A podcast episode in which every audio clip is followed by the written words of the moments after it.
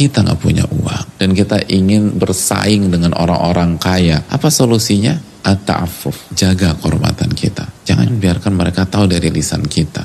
Biasanya naik mobil atau naik motor, tiba-tiba jalan kaki. Ditanya, mas kenapa jalan kaki? Nah begitu dipanjang gitu jangan keluar. Akhirnya disampaikan semua, iya nih gue lagi bingung, lah gue SPP nunggak segala macam. Jangan.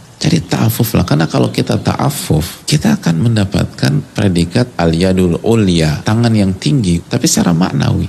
Dari poin ini kita tuh hendaknya memainkan peran masing-masing. Bagi yang nggak punya harta, dia harus bermain ta'afuf, nggak minta-minta, nggak mancing, nggak kasih umpan lambung. Ditanya gimana kehidupan nih kan hari-hari susah. Alhamdulillah Allah tuh baik banget. Kemarin saya dapat rezeki besar sekali. Maksudnya kemarin dapat satu ayat dan satu ayat lebih mahal daripada dunia seisinya yang punya duit, yang kaya, gimana sikap dia? Begitu, gimana kabarnya mas? Alhamdulillah, baik.